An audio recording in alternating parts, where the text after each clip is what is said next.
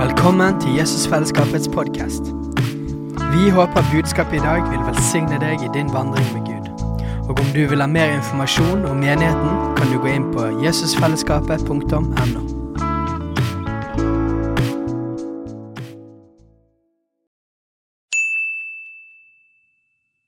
Hei! Visste du at Jesusfellesskapet starter en ny bibelskole til høsten? Den heter Jesusskolen og starter den 3. september. Gå inn på jesusskolen.no for mer informasjon.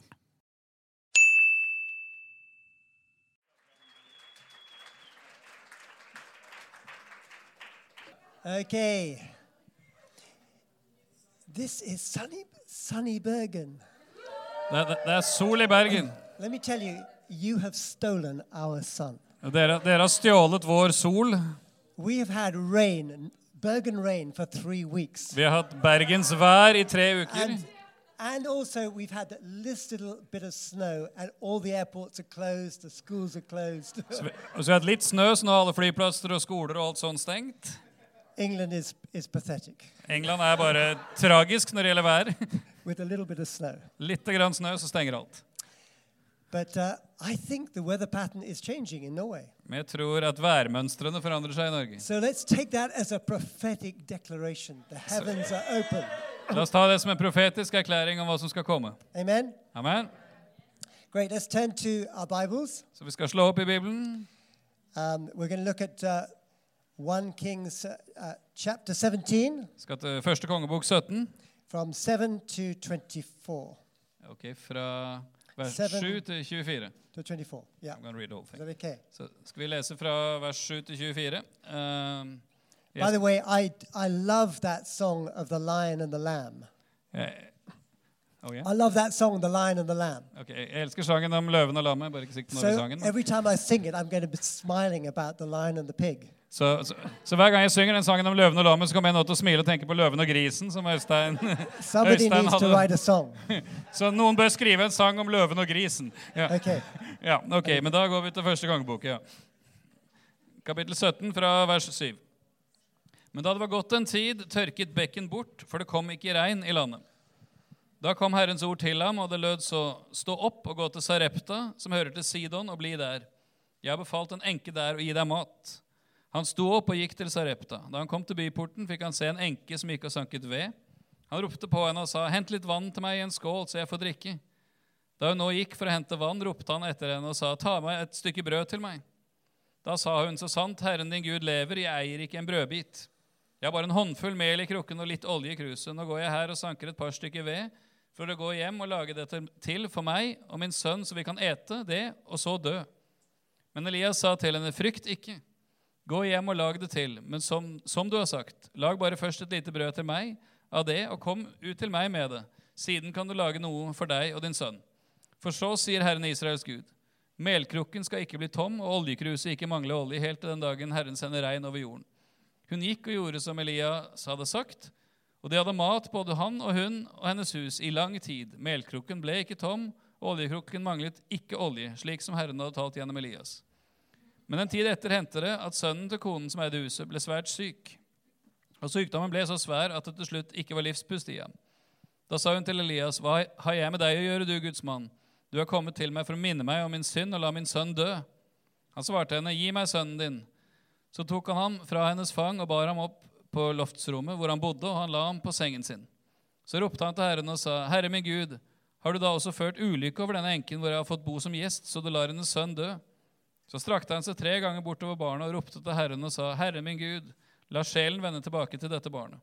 Og Herren hørte Elias' bønn. Barnets sjel vendte tilbake, så det ble levende igjen. Elias tok barnet og bar det ned fra det øverste rommet i huset og ga det til moren, og han sa, Se, din sønn lever. Da sa kvinnen til Elias, Nå vet jeg at du er en Guds mann, og at Herrens ord er i din munn. Sannhet. So, Father, we desperately want to hear you speak to us. Så far, vi ønsker desperat at du skal tale til oss. Lord, we sung that we want to sit at your feet. Vi sang at vi ville sitte ved dine føtter, Lord, we so need to hear right from the throne of God. og vi trenger å høre rett fra din trone, Gud. So, Lord, we open ourselves up by faith Så vi åpner oss opp i tro, Herre, to hear your word individually, for at vi skal få høre ditt ord hver enkelt, but also corporately together. men også i fellesskap sammen. in Jesus' name. I Jesu navn. Amen. Amen. This is an amazing passage, Dette er et fantastisk skriftavsnitt.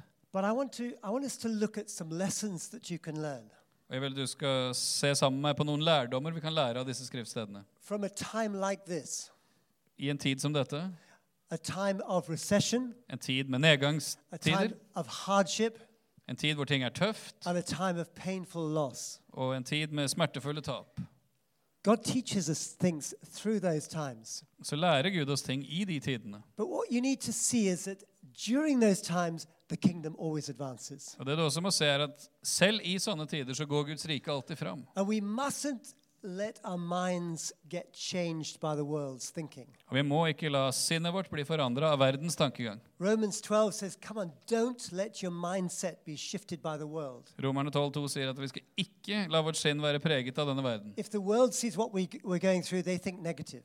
Hvis, hvis verden ser på det vi går gjennom, så tenker de negativt. When we see recession and hardship and loss, we need to think positive. Når vi ser nedgang, motgang og tap, så må vi tenke positivt. Because the kingdom just keeps on advancing. Fordi Guds rike fortsetter å gå fram. And it's during these times, whether the situation comes from the devil or from God, we've got to stay close to God. Og det er i sånne tider, enten problemene kommer fra djevelen eller fra Gud, så må vi holde oss nær til And Gud. we've got to keep remembering He's still on the throne, Og vi må huske på at han fortsatt er på tronen.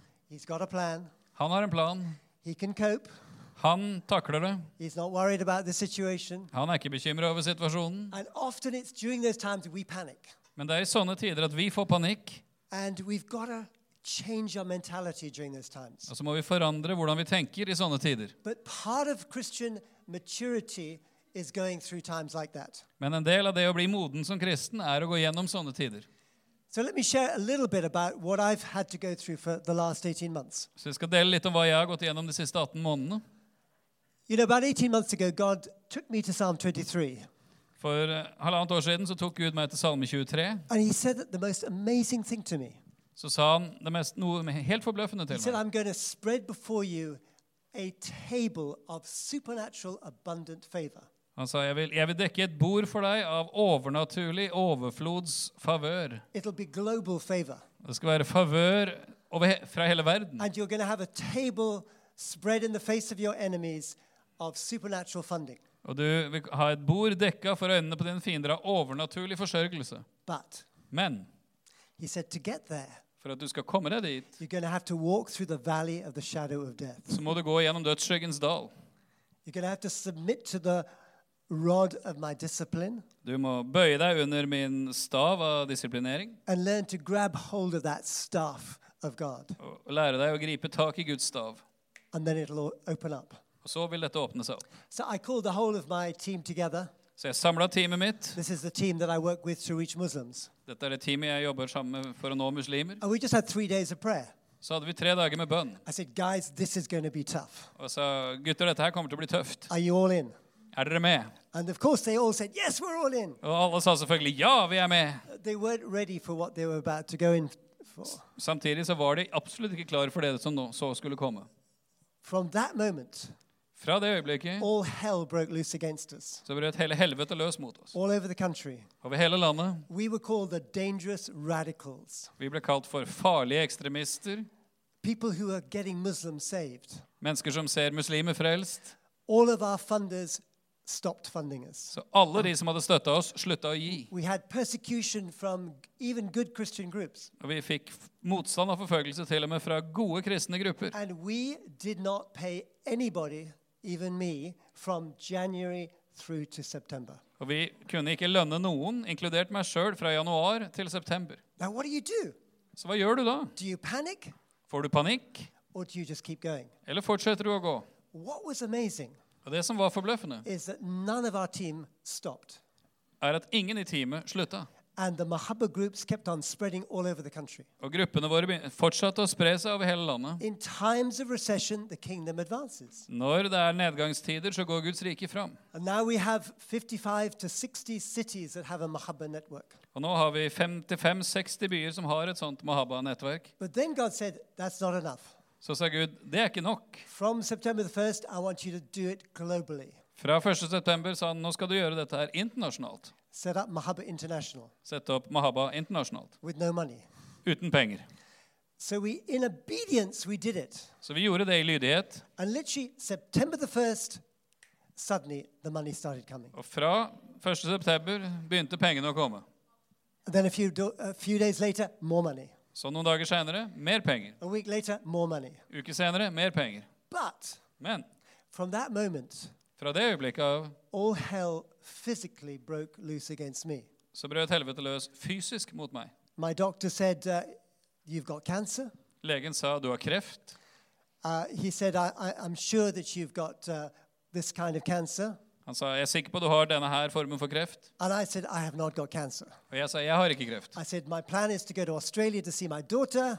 Jeg har planlagt å reise til Australia for å I'm besøke going- dattera mi. I'm going to skiing with my son. Og så skal jeg reise på, på skiferie med sønnen min etterpå. And he said, Well, oh, you can do that provided you do all the tests and all the scans. Og legen sa du skal få lov å gjøre det, men da må vi ta alle mulige tester og alle mulige skanning først. I literally had to walk through the valley of the shadow of death. Jeg måtte virkelig bokstavelig gå gjennom dødsskyggens dal. I had a great time in Australia, Jeg hadde det fantastisk i Australia. a great time skiing in France. Ja, fantastisk tid når vi sto på ski i Frankrike. And then I came back to see the doctor. Så kom jeg hjem igjen og besøkte legen. This was uh, two weeks, two, three weeks ago. Dette er to-tre uker siden. He said, I'm really puzzled. Og han sa det, jeg skjønner ikke dette her. He said, There's absolutely nothing wrong with you. Det fins faktisk ingenting som er galt med deg. He said, I just don't understand this. Og jeg forstår ikke dette her. And then I just remembered Og så huska jeg God said, You have to walk through the valley of the shadow of death. Gud sa du må gå gjennom dødsskyggens dal. You know, sometimes He takes us through things to see what will happen inside. Noen ganger tar Gud oss gjennom ting for å se på hva som skjer inni oss. And those tests are really important for, for what's going on in here. Og de testene og prøvelsene er viktige for det som skjer på innsida av And oss. during those times, what is needed is strict obedience and trust of God. Og det som trengs i sånne tider, er å være nøye med å være lydig og stole på Gud. Not just a little bit of obedience, but absolutely specific obedience. Ikke bare litt lydighet, men helt konkret lydighet. I mean, if you know my history, my history was not very much obedience to God. Hvis du kjenner min hi- livshistorie, så var ikke min historie at jeg var veldig lydig mot Gud. But you know, when you're teaching a child to walk, Men når du lærer et barn å gå, you don't whack them every time they fall. så slår du de ikke hver gang de faller. You lift them up again. Du løfter de opp igjen. The first time uh, uh, God called me, I disobeyed him. Første gangen Gud kalte meg, så var jeg ulydig. But I did go through a complete nervous breakdown and couldn't work for 18 months. Og så fikk jeg nervesammenbrudd og kunne ikke jobbe på halvannet år. But God picked me up. Gud løfta meg opp. Then I had a second call. Så fikk jeg et kall igjen, And I obeyed him, but I did it my way. og jeg adlød, men jeg ville gjøre det på min måte. Anyone done that? Har noen prøvd det? You see, every call of God has a specific direction, For ethvert kall fra Gud har en bestemt retning. but it also, secondly, has a method. Men det er også, for det andre, en metode. He gives you a what. What are you going to do? Han gir deg et hva. Hva skal du gjøre? Then he gives you a how are you going to do that. Og så gir han deg hvordan du skal gjøre det. But he also gives you a when, a timing. Men så gir han deg også et når det skal skje, altså en timing på det. What, how, when. Både hva, hvordan og når. We've got to obey God specifically. Og vi må adlyde Gud konkret. I remember the third call that I had was to go to Africa. Det tredje kallet Gud ga meg, var å reise til Afrika. And we obeyed him, but I wanted to do it in my timing. Og vi adlød, men jeg ville gjøre det når jeg syntes det passa. He told us a specific date, but I cho- to go to Harare, Zimbabwe. Han ga oss en konkret dato. Da skulle vi reise til Harare i Zimbabwe. But I got bored and thought I'm going to go six months early. Men jeg begynte å kjede meg, så jeg tenkte jeg skal reise seks måneder tidligere. And I remember sitting in church one day, Så husker jeg jeg satt i kirken en dag. and this prophetic guy from South Africa came to our church, Så var det en profetisk mann fra Sør-Afrika som var på besøk i menigheten. and he said, "You stand up." Så sa han, du, der, reis deg opp. He said, "You are trying to run ahead of God. Så sa han, Sånn, du prøver å løpe foran Gud. Sit down, shut up, and obey the Holy Spirit." Sitt ned, ti stille og adlyd Den hellige ånd. Wow! Ok. And God had told us January 86. For Gud hadde gitt oss januar 1986. My elders of my church said, We do not believe it's right for you to go to Africa. Og de, de eldste i menigheten vår sa, vi tror ikke det er rett at dere skal til Afrika. But as we got closer to January, Men når vi begynte å nærme oss januar, the word specific word of God would not go away. så gikk dette konkrete ordet fra Gud ikke vekk. And I just went to the elders in November and said, We've got to go. God's told us we've got to go. Så jeg gikk til Eldsterådet i november og sa vi må reise. Gud har sagt vi skal reise. And they said, God has spoken to us. You need to go. Og så sa de ja, nå har Gud talt til oss òg, så dere må dra. But Men the organization we were going to, Reinhard Bonker's organization, og vi skulle reise ut med organisasjonen til Reinar Bunke, said, We're not in Harare, Zimbabwe. sa, som sa da at vi er ikke i Harare i Zimbabwe, We're in South Africa. vi er i Sør-Afrika. We don't want you. We have no place for you. Og vi vil ikke ha dere, vi har ikke noen plass for dere. Who do you obey? Så hvem adlyder du da? God gave us a specific instruction Harare, Zimbabwe, January 1986. Gud ga oss konkret øh, hva vi skulle gjøre. Harare, Zimbabwe, januar 1986. Now, what was God trying to do?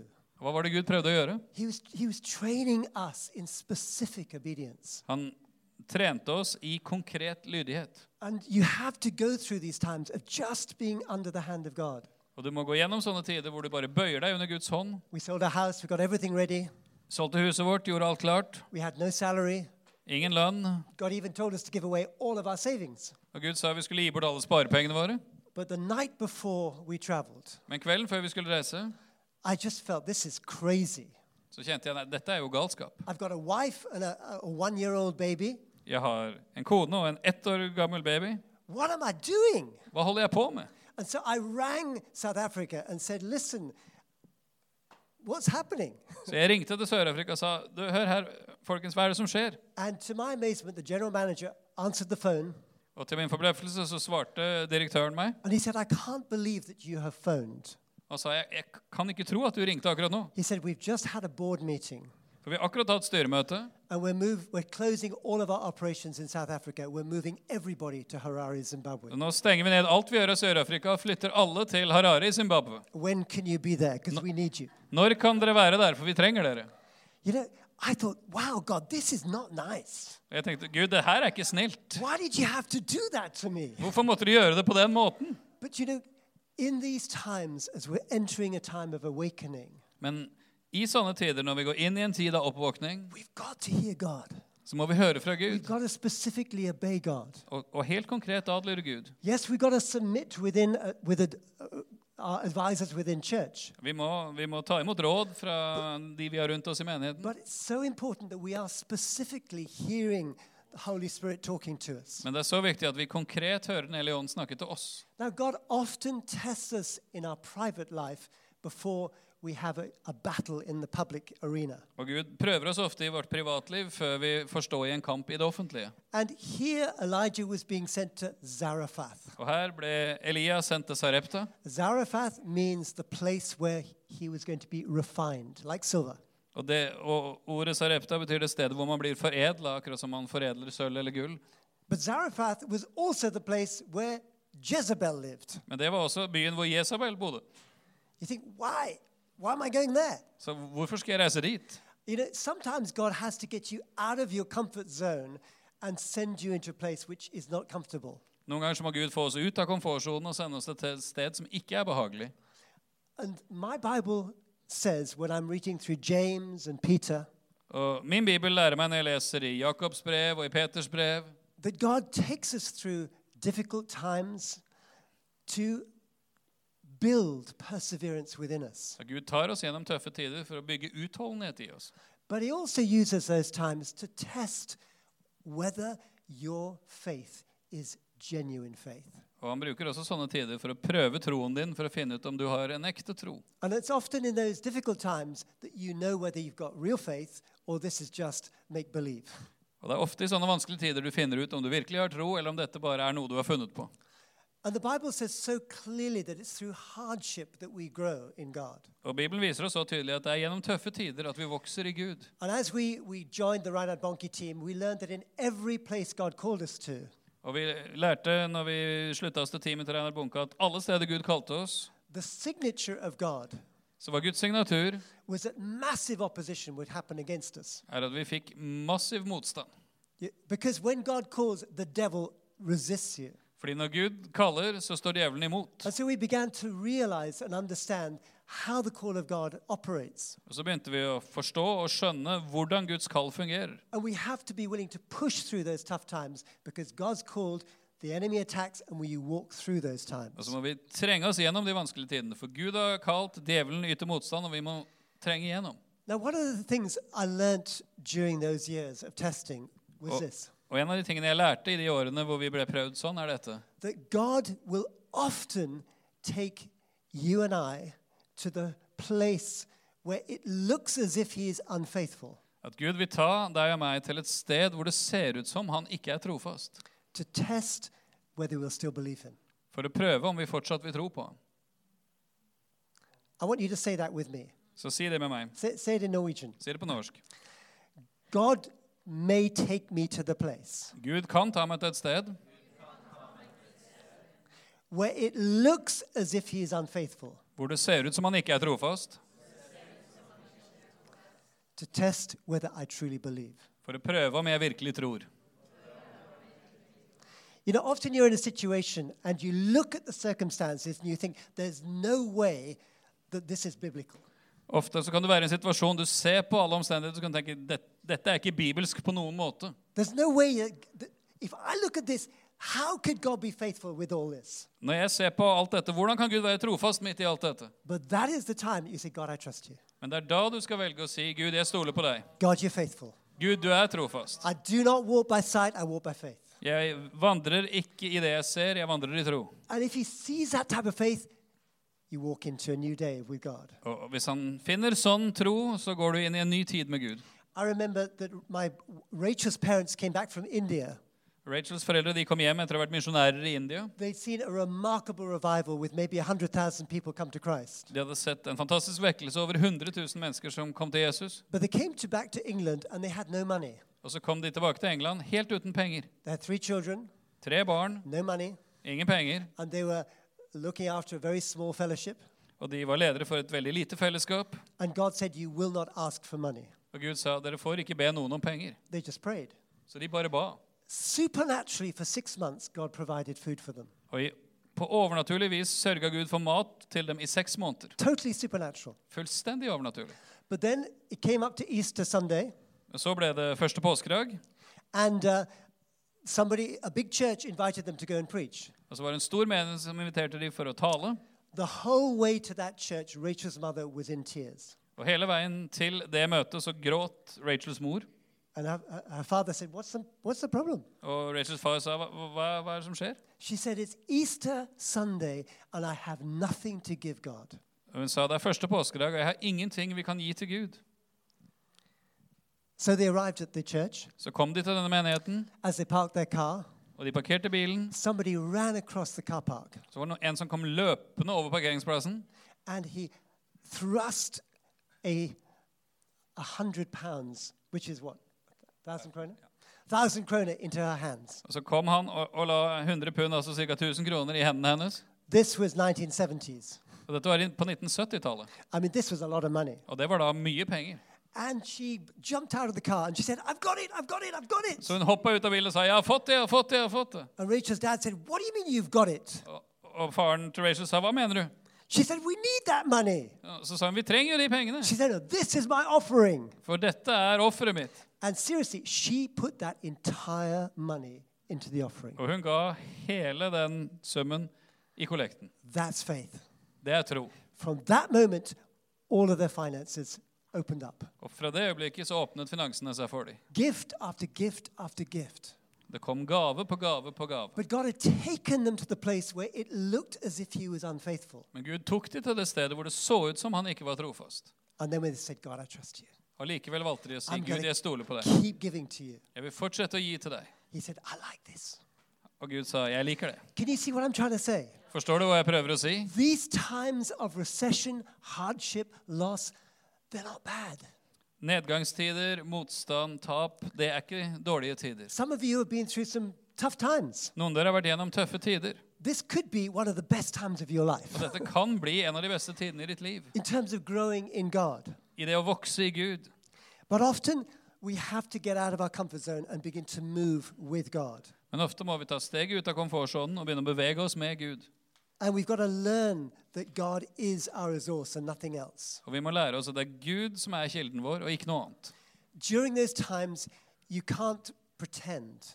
For i sånne tider så kan du ikke late som. Remember, it says about Abraham Abraham faced the facts. For det står om Abraham at han så på fakta. He didn't just say, Oh, it's not happening. No, he faced the facts. His body was as good as dead. Han, han sa liksom ikke 'Å, dette kommer til å se- skje'. Han så på faktaene. Han hadde en kropp som var utlevd. We've got to look at our circumstances and accept it. This is, this is what's happening. Vi må se på omstendighetene våre og akseptere de og si 'dette er det som skjer'. But we mustn't waver with unbelief. Men så må vi ikke la oss svinge unna med vantro. Fear, unbelief, anxiety will rob you of God's future. Fordi In the kingdom. frykt, vantro og uro vil stjele Guds framtid for deg. And I'm sure you know that verse that it says that God's people were not able to enter because of their unbelief. Og det, og det står i et bibelvers at Guds folk kommer ikke inn i det lovede land pga. deres vantro. So, what he's after is our humility, our brokenness. Så han er ute etter vår ydmykhet, vår sønderbruthet. He's looking for, our, for that gold of faith to be built into us. Han ser etter troens gull, at det skal bli bygd i oss. And when you look at this widow, that widow was extraordinary. Og Hvis du ser på denne enken i fortellingen her, så var hun helt fantastisk. I mean, to be. To, to have that sacrificial thing of giving everything away, that is amazing. Å å være en som var villig til å gi alt bort, det er helt fantastisk. But it was significant that El- Elijah asked her to make a sacrifice. Men det var betydningsfullt det at Elia ba henne om å gjøre et offer. I've done lots of discipling and I've seen lots of mentoring, Jeg har eh, drevet mye med å disiplinere mennesker og være mentor for mennesker. but you see the way God mentors and God disciples. Men hvis du ser på måten Gud er mentor på, og Gud disippelgjør, He's not fluffy. Do you know what I mean by fluffy? så er ikke Gud koselig. He's hard. Han kan være hard. Sometimes he asks for sacrifice. Noen ganger så ber Gud om et offer. Sometimes we have to put the bar high. Noen ganger så må vi heve lista. If we put it too low, people can, can do it. Hvis vi senker lista for lavt, så kan folk gjøre det. You see, if you give somebody a job they can do, they'll probably do it in their own strength. Hvis du gir noen en oppgave de kan gjøre, så gjør de det mest sannsynlig i egen kraft. So you throw them in the deep end of the pool. Så må vi hive det ut på dypet i bassenget. And they can't do it, so they have to trust God. Og hvis de ikke kan gjøre det, så må de stole på Gud They have to learn to swim in the Holy Spirit. og lære seg å svømme i Den hellige ånd. And yes, they might sink a little bit, Ja, og kanskje synker de litt. but you can pick them up again and get them going. Så kan du dra de opp igjen og få de i gang igjen. But you know, all of this is to grow us as believers so that when the Holy Spirit moves through the nation, we can be trustworthy. Men alt dette er for at vi skal vokse som troende, sånn at når Den hellige ånd begynner å bevege seg i nasjonen, så kan vi være noen som man kan stole på. And my reading of God is that He demands all or nothing. Og sånn som jeg forstår Gud, så krever han enten alt eller ingenting. And I think a lot of our salvation is come on, just receive Jesus, Og jeg tror at mye frelsesforkynnelse har vært Kom igjen, bare ta imot Jesus. no particular cost. Koster ingenting. We cannot be salesmen like that. Og vi kan ikke være selgere på den måten. This is for free, but it's going to cost you everything. Det er gratis, men det koster deg alt. And it's only radical Christianity that's going to break through. Og det er bare radikal kristentro som kommer til å bryte igjennom. I work with, I work with the real radicals, the Muslims. Jeg jobber med de virkelig radikale. Jeg jobber med muslimer. you know, I love some of those Muslim boys. Og jeg elsker en del av disse muslimske guttene. I mean, they are totally wrong.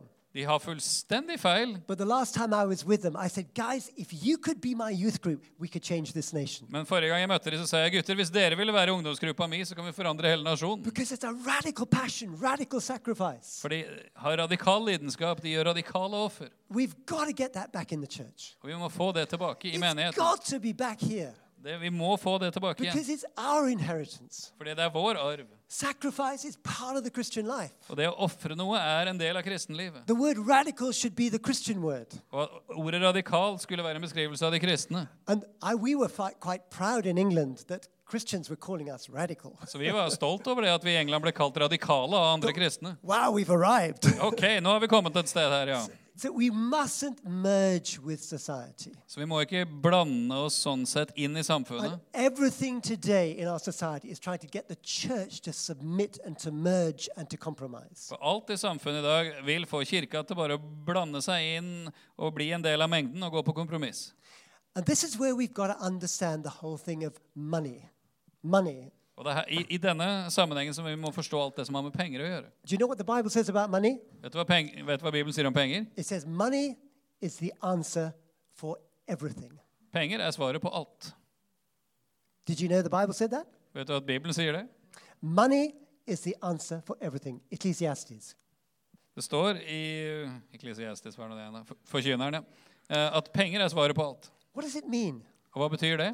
It means if you want to understand what you are going through, Hvis du vil forstå det du går gjennom, look at your attitude to money. så se på din holdning til penger.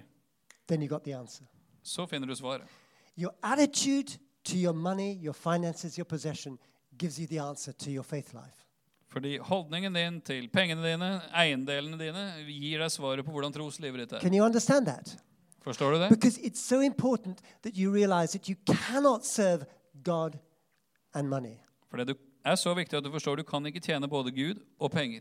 There has to be a sense that we have money, but money does not have us. Vi må ha en forståelse av at vi har penger, men pengene har ikke oss. And where God tells you to do something, don't let money say you don't have enough. Og når Gud sier at du skal gjøre noe, ikke la pengene fortelle deg at du ikke har nok. And it's so important during these times of recession not to hold on to everything. Og det er så viktig i nedgangstider ikke å holde fast i alt. Because it's a natural thing to slowly withhold. For det, det er helt naturlig at man gradvis begynner å holde igjen. You, in our lives, God has told us three times to give away everything. Tre ganger i livene våre har Gud sagt nå skal dere gi bort alt. Why? Hvorfor? Because we were beginning to trust in what we had. Fordi vi begynte å stole på det vi hadde. And once you've given it all away, Og når du har gitt vekk alt, you feel happy again så blir du lykkelig igjen. because you've got nothing For da har du ingenting. but God. Utenom Gud. But God. Utenom Gud. I mean, how stupid can we get? Så jeg mener, hvor dumme kan vi egentlig være? And when we first got married, Når vi gifta oss, God made us commit ourselves to Him. så fikk Gud oss til å overgi oss til Han. That when we got to a bank balance of nothing, At når vi eh, hadde null kroner i banken, we were not to borrow and not to go into credit. så skulle vi ikke låne, og vi skulle ikke bruke kreditt. He said, when you get to naught, Han sa når dere kommer til null, then it's miracle time. da er det tid for mirakler. Trust me. Stol på meg. If you don't trust God and you trust your credit card, Hvis du ikke stoler på Gud, men du stoler på kredittkortet you ditt, never enter the realm of miracles. så kommer du aldri inn i det som har med mirakler å gjøre. And every time we came to naught, we said, God, show us your hand. Og Hver gang vi kom til null, så sa vi Gud, vis din hånd. And He loves to do miracles at that time. Og han elsker å gjøre mirakler i sånne tider. Again and again and again, miracles. Igjen og igjen og igjen så vi mirakler. But you don't learn it until you get to naught and you say, God, I trust you. Men du lærer aldri det før du er på null, og for det sier Gud, jeg velger å stole på deg. And so many of you have been through a time uh, of recession and hardship. Mange av dere har vært gjennom en nedgangstid, og ting er And tøft. the human tendency is hold on to it. Og da er den menneskelige tendensen nå skal vi holde fast på det vi har. God says, no, open your hands up. Men Gud sier nei, åpne dine hender. Uh, what is so special about Isaac? Og Det som er spesielt med Isak i Bibelen, You see this in uh, first book of Genesis, chapter 26. du ser det i første Mosebok 26, It said, in a famine or recession, Isaac sowed everything. det står at i en tid av hungersnød så sådde Isak alt, And he reaped 100 fold. og han høstet hundrefold. Everybody else was holding onto their seed. Alle andre holdt fast ved såkornene sine They got nothing. og fikk ingenting. He sowed everything. Han sådde ut alt He got a hundredfold. og fikk hundre ganger tilbake. And during these times with God, Og i sånne tider med Gud we've got to inv- individually but also corporately learn to open up our hands and sow, så må vi individuelt, men også i fellesskap lære oss å åpne våre hender og så ut. and sow again, Og så igjen. and sow again. Og så så på nytt. It's not giving it away relig- religiously or throwing it away religiously. Ikke at vi skal gi det vekk religiøst eller bare slenge ting vekk, It's a thing of faith. You're sowing in faith into the future vision. men det er en troshandling at du i tro sår inn i visjonen for framtiden. Does that make sense? Forstår vi det? Now, we see what happened with that widow Så hvis vi ser på hva som skjedde med denne enken that she sacrificed, Hun ofra, she gave, hun ga, og and then she lived in miraculous provision. så fikk hun leve i mirakuløs forsørgelse. But there's a second part to the story. Men så er det en del to av historien. She went through an incredibly painful loss. Så opplevde hun et forferdelig smertefullt tap. God had given her this son supernaturally. Gud hadde gitt henne denne sønnen på overnaturlig vis. And some of us know that God has given us things which are now dead. Og mange av oss vet at Gud har gitt oss ting, men som nå er død. It may be a relationship, kan være en relasjon, maybe a dream, en drøm, it may be your marriage, it may be your kids. kan være ekteskap, kan være barn. But you know somehow that God supernaturally opened this thing for you, birthed something in you. Men du vet at det var Gud som åpna dette her overnaturlig og fødte noe i But deg. you're looking at the situation now, it's dead. Men hvis du ser på situasjonen nå, så er den død. This is an incredibly difficult test. Og dette er en forferdelig vanskelig prøve. But you've got to say, I trust you. You are the resurrection. And Men the du life." må, må si, 'Gud, jeg stoler på deg. Du er oppstandelsen og livet.' Nothing is impossible with my God. Ingenting er umulig for min Gud.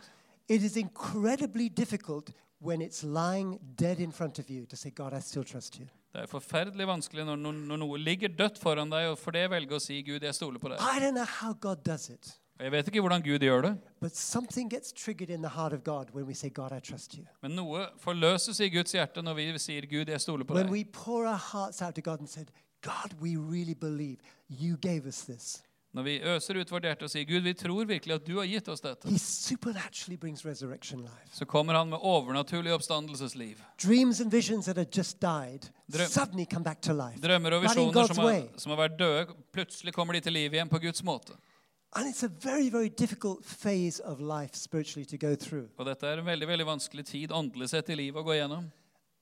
And remember what happened to David at Ziklag when, you know, 1 Samuel 30, he lost everything at Ziklag. Hvis du husker hva som skjedde med David når han var i Siklag, det, i 1. Samuel 30, det, han, han tapte alt. He had a choice. Og han hadde et valg.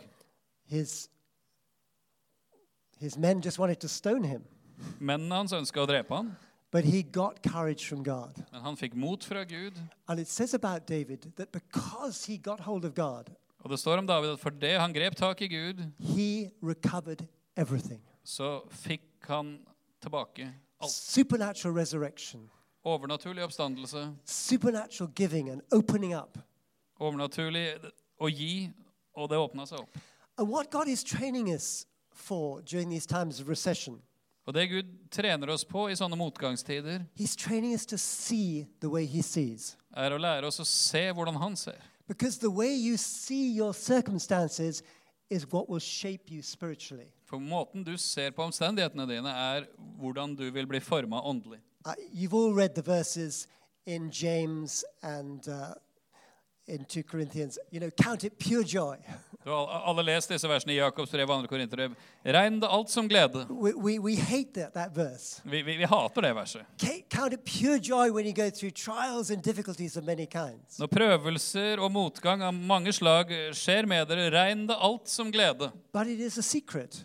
Men det er en hemmelighet. of having the perspective and seeing correctly and thinking, wow, this is going to lead to breakthrough.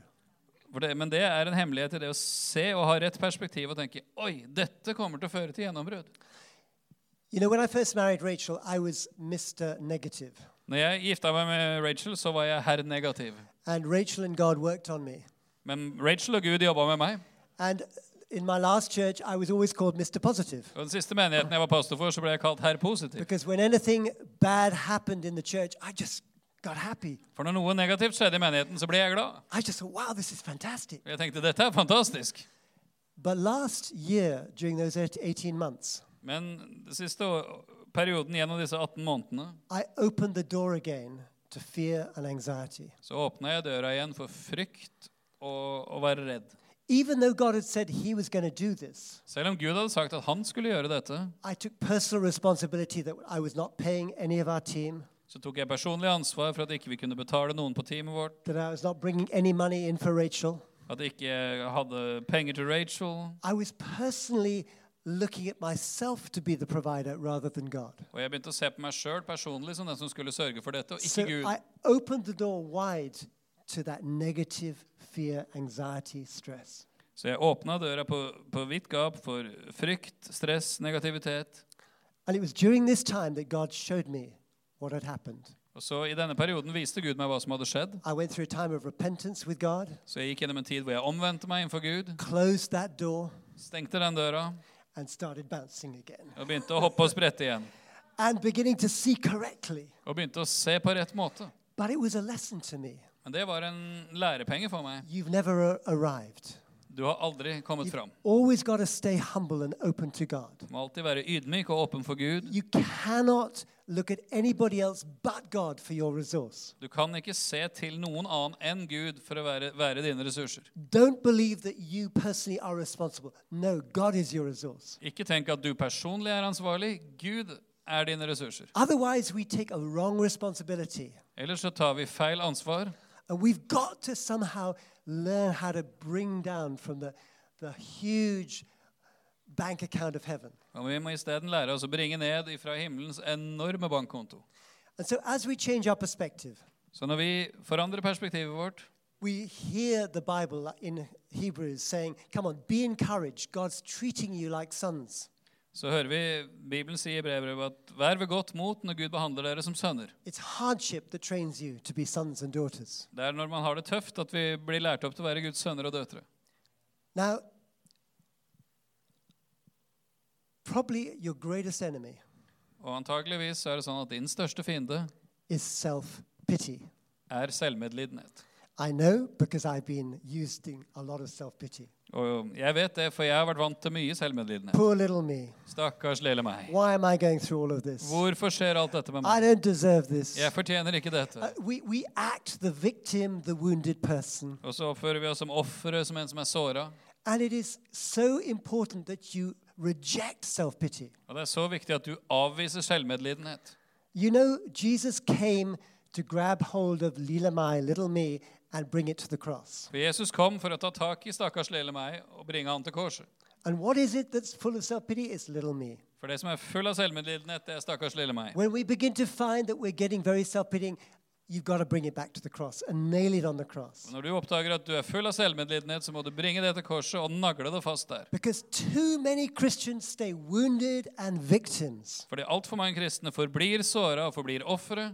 We're created to go through tough times. Vi ble skapt for å gå gjennom tøffe tider. God promises us we will go through tough times. Gud har lovt oss at vi skal gå gjennom tøffe tider. He promises we'll go through recession. Han har lovt oss at vi skal gå He gjennom nedgangstider. promises we'll go through times of deep, painful loss. Og han har, har lovt at vi skal gå gjennom tider med smertefulle tap. Like him, we will be de- betrayed. Som han ble, så vil vi bli forrådt. But we don't stay wounded and in self pity. Men vi må ikke forbli såra og i selvmedlidenhet. We bring it to the cross, we nail it to the cross. Vi må nagle det til korset. And then we be- get happy and we move on with God. Og så kommer gleden, og vi kan gå videre i Gud. Now, it's really important that we learn it Og det er så viktig at vi lærer dette. because our resource, and I want to talk personally as a church here, Fordi våre ressurser, nå vil jeg snakke personlig til menigheten her your resource has to be God. Fordi dine ressurser må komme fra Gud. It can only be God. Det kan bare være Gud. It cannot be in your numbers. Det kan ikke være i antallet It deres. can't be, it, you know, the Bible says it's not by might or power, it's by His Spirit. For det står i Bibelen ikke ved makt, ikke ved kraft, men ved min ånd, sier And Herren. often, and I, and, and I can tell you because I've been in some of these churches, Og ofte, og jeg kan si dere det, for jeg har vært i en del sånne menigheter when we have lots and lots of people, Når vi har mange, mange mennesker, we kind of feel that we can make a difference. så føler vi at vi kan gjøre en forskjell. God doesn't look at it that way. Men Gud ser ikke på det på den måten. What did he do with Gideon? Hva gjorde han med Gideon? He chose the weakest person, Han valgte den svakeste personen. and then Gideon says, I've got 32,000 people. Og Gideon tenkte jeg har 32 000 mann.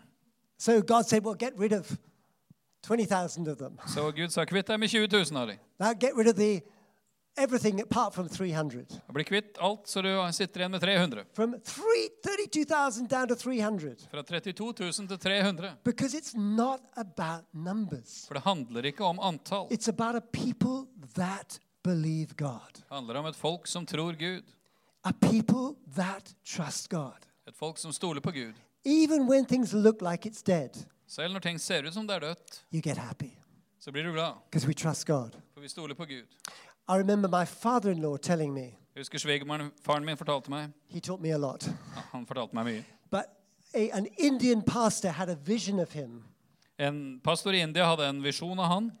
He saw his face, Han så ansiktet hans, and God said to the Indian, Learn English because you will meet him. og Gud sa til denne indiske mannen, du skal lære deg engelsk, for du kommer til å møte han her. He will bring revival to your church. Han kommer til å bringe vekkelse til menigheten din.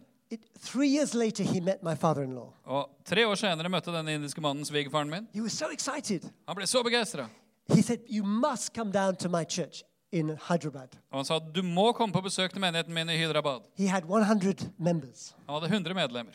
So Alan flew down. Så Alan han fløy ned dit, This pastor was so excited. og pastoren ble så begeistra. But my father in law preached on the kingdom, Og svigerfaren min forkynte om Guds rike, he preached on radical sacrifice. forkynte om radikalt offer, giving everything to God. å gi alt til Gud. No wishy washy Christianity. Det var ikke noe sånn eh, snill kristendom, dette her. Costs you everything. Dette koster alt. 40 people left the church. Og 40 medlemmer forlot menigheten. This pastor thought, what is going on? Og pastoren tenkte, hva er det som skjer? But he had 60 who were willing to sacrifice. Men han satt igjen med 60 som var villige til å ofre. The fire of God came on those 60. Og Guds ild falt på disse 60. Today they're 50,000. I dag er de 50 000. They've seen people raised from the dead, De har sett mennesker vekt opp fra de døde, church planting movement, the whole of Andhra Pradesh. og sett en menighetsplantingsbevegelse i hele delstaten sin. It's not about numbers. Det handler ikke om antall, Will we trust God? men om vi vil stole på Gud.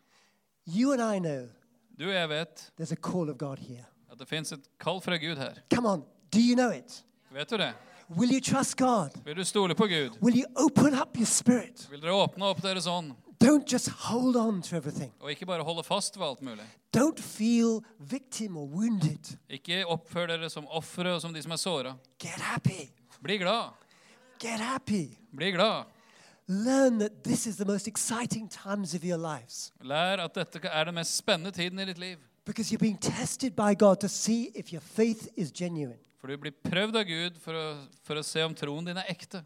But I want to tell you, Men jeg vil si deg, it will cost everything. det koster alt. Let's stand. La oss reise oss. So, Father, we're looking to you. Så far, vi ser til deg. We know that you want to grow each one of us.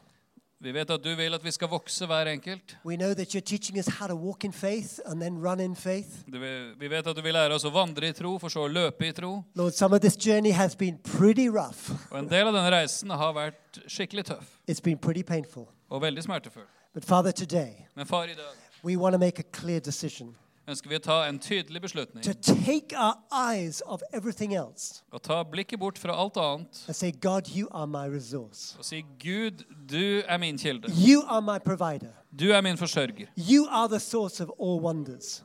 Du er eh, kilden til alle under. You are the one who brings miracles and faith. Du er den som gir mirakler og tro. And we want to get our eyes off ourselves, Og vi ønsker å løfte blikket bort fra back oss onto selv heaven. og tilbake til himmelen. And Father, we want to make a commitment today Og far, vi ønsker å gjøre en overgivelse i dag. that we will give you everything At vi gir alt til deg and open up to heaven again. og åpne oss for himmelen igjen. that the free flow of the Spirit can touch this city and the nations through us. At åndens frie flyt kan berøre denne byen og denne nasjonen gjennom oss. So, Father, come by your Spirit right now Så far, kom med din ånd akkurat nå. and help each one of us to come to a clear decision before heaven, Og to hjelp- the heaven's throne. Hjelp hver enkelt av oss til å komme til en tydelig beslutning innenfor Guds trone. Now, just allow the Spirit to minister to you. Så bare la Den hellige ånd komme og betjene deg. Remember, He loves you, He loves you, He loves you. Husk, han elsker deg, han elsker deg, han elsker deg. That's why I wanted every one of you to get a hug. Det var derfor jeg ville at dere alle skulle få en klem i stad. he so loves you, Han elsker deg så høyt, but He wants you. men han vil ha deg. No holding back, Uten at du holder noe igjen. no victims. At vi ikke er ofre. Put that victim thing on the cross. Bare Nagl det å være et offer til korset. Put those wounds on the cross. Bare legg de sårene på korset. He wants to clothe you with His anointing. Han vil ikle deg sin salvelse. Take off those dirty rags, Ta av deg de slitte fillene. those rags of apology, Disse fillene av unnskyldninger. rags of failure. Fillene av mislykkethet. Just give everything to God and let Him clothe you with His anointing. Bare gi det hele til Gud, og la han ikle deg sin salvelse. Now, I know this is a word also for the church. Jeg vet at Dette er et ord ikke bare individuelt, men også for, he- for But today, menigheten. take this as well for yourself. Men ta det også imot til deg personlig. And I don't know what stage you're at with God, Jeg vet ikke hvilket stadium du er på med Gud, but if you need to come forward and just rededicate everything into His hands, men hvis du trenger å komme fram for å bare overgi alt på nytt i hans hender, then just find a place where you can kneel and just give it all to Him. så bare finn et sted hvor du kan knele og bare gi alt til han. And just make it a, a but between you and God. Og bare gjør dette til en sak mellom deg og Gud. He's not wanting to whip you in any way or punish you. Han kommer ikke til å piske deg eller straffe deg på noe He's saying, vis, Come on, I want you. I want you. I want you. men han sier, 'Gud, jeg vil ha deg'. Gud sier, 'Jeg vil ha deg, jeg vil ha deg'. But it will cost you everything. Og det koster deg alt. And if you feel you need that, then I just want you to get down on your knees and just give it to God. Hvis du merker at du trenger å gjøre det, så vil jeg at du skal gå ned på kne og bare gi alt til Gud. And let's just all just pray out. Just, just let this be a place of prayer today. Og la oss alle sammen bare be. La dette være et bønnested akkurat nå. Holy Spirit, Helio. come powerfully right now Kom med kraft akkurat nå. and do what only you can do. Og gjør bare du, det bare du kan gjøre. Jesus, Jesus, Jesus. Jesus, Jesus.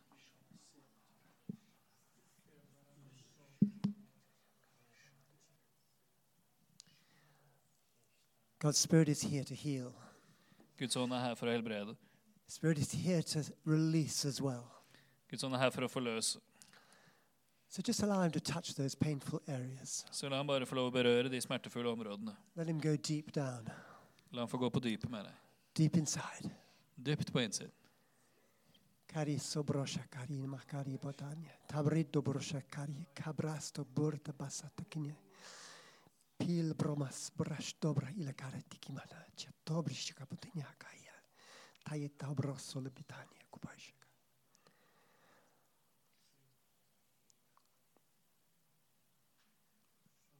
We take authority, Father, in Jesus' name, Vi tar autoritet, Far, i Jesu navn, against every negative spirit of fear, mot enhver negativ ånd av frykt, every negative spirit of unbelief. enhver negativ ånd av vantro, all anxiety, all frykt, all those wicked spirits alle disse onde åndene that have held us in a victim mentality, som holder oss fast i å tenke at vi er et offer.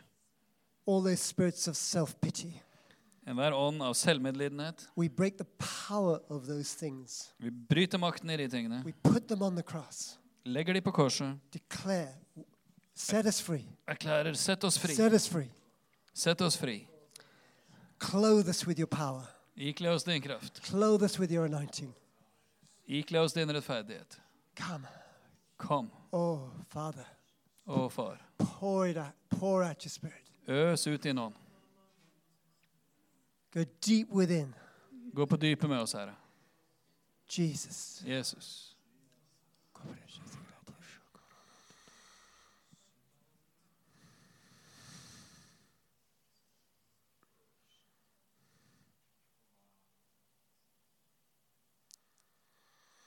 Jesus.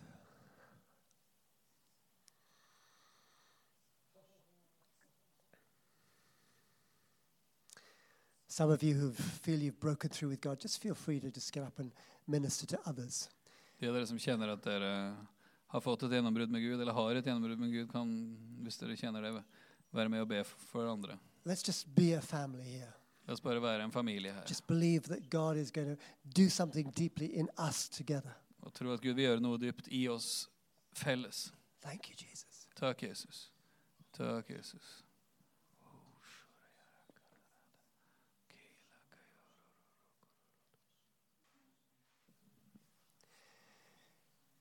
Just allow the Holy Spirit to keep moving. La oss fortsette å la Den hellige ånd få bevege seg. But if there's any musician that could help us, Hvis det er noen som kunne spille litt, så I feel it's so Yeah. important that we, f- we finish with our eyes on heaven.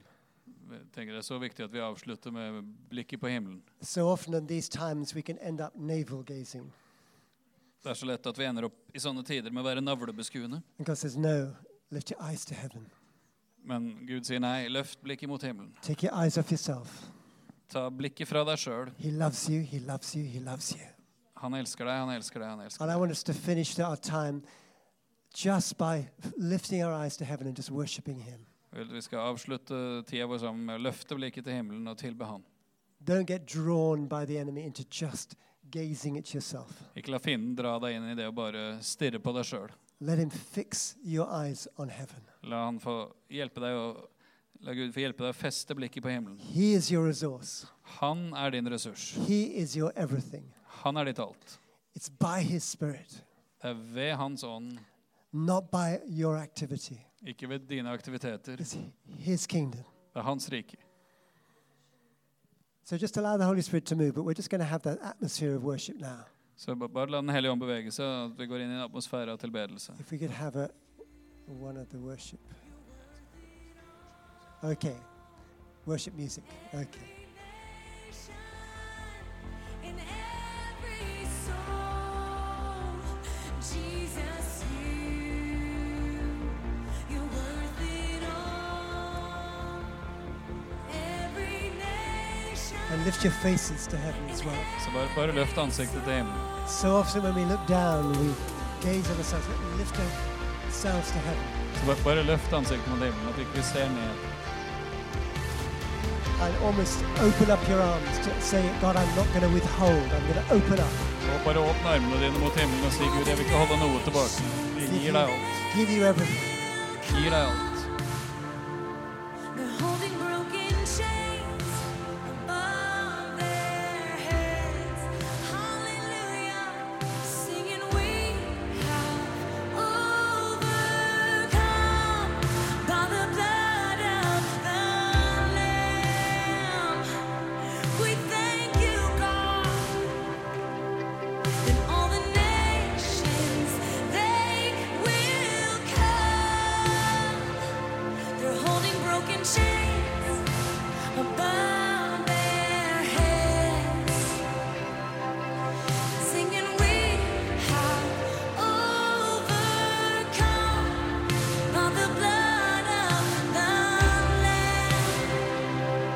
Thank you, Jesus. Thank you, Jesus. Jesus, you, you're worth it all. Every nation, in every soul, and Jesus, you, you're worth it all. You are every nation. In every soul, Jesus, you, you're worth it all. You alone, every nation, in every soul, Jesus, you, you're worth it all. It's every nation and every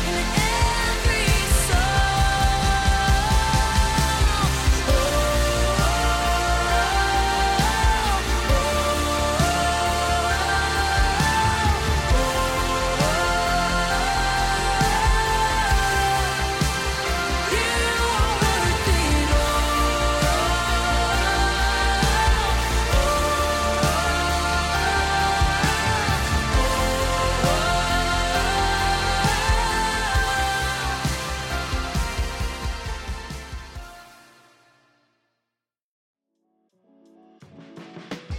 Hei alle sammen, det er Katrine og Steinar Lofnes her. Vi er hovedledere for Jesusfellesskapet.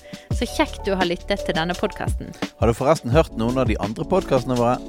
Ukens tale, Disippelskolen, Hyrdepodden, Kulturkrigen og Mammas hjerte. Du finner disse podkastene på Spotify, Apple Podkaster og på nettsiden vår jesusfellesskapet.no.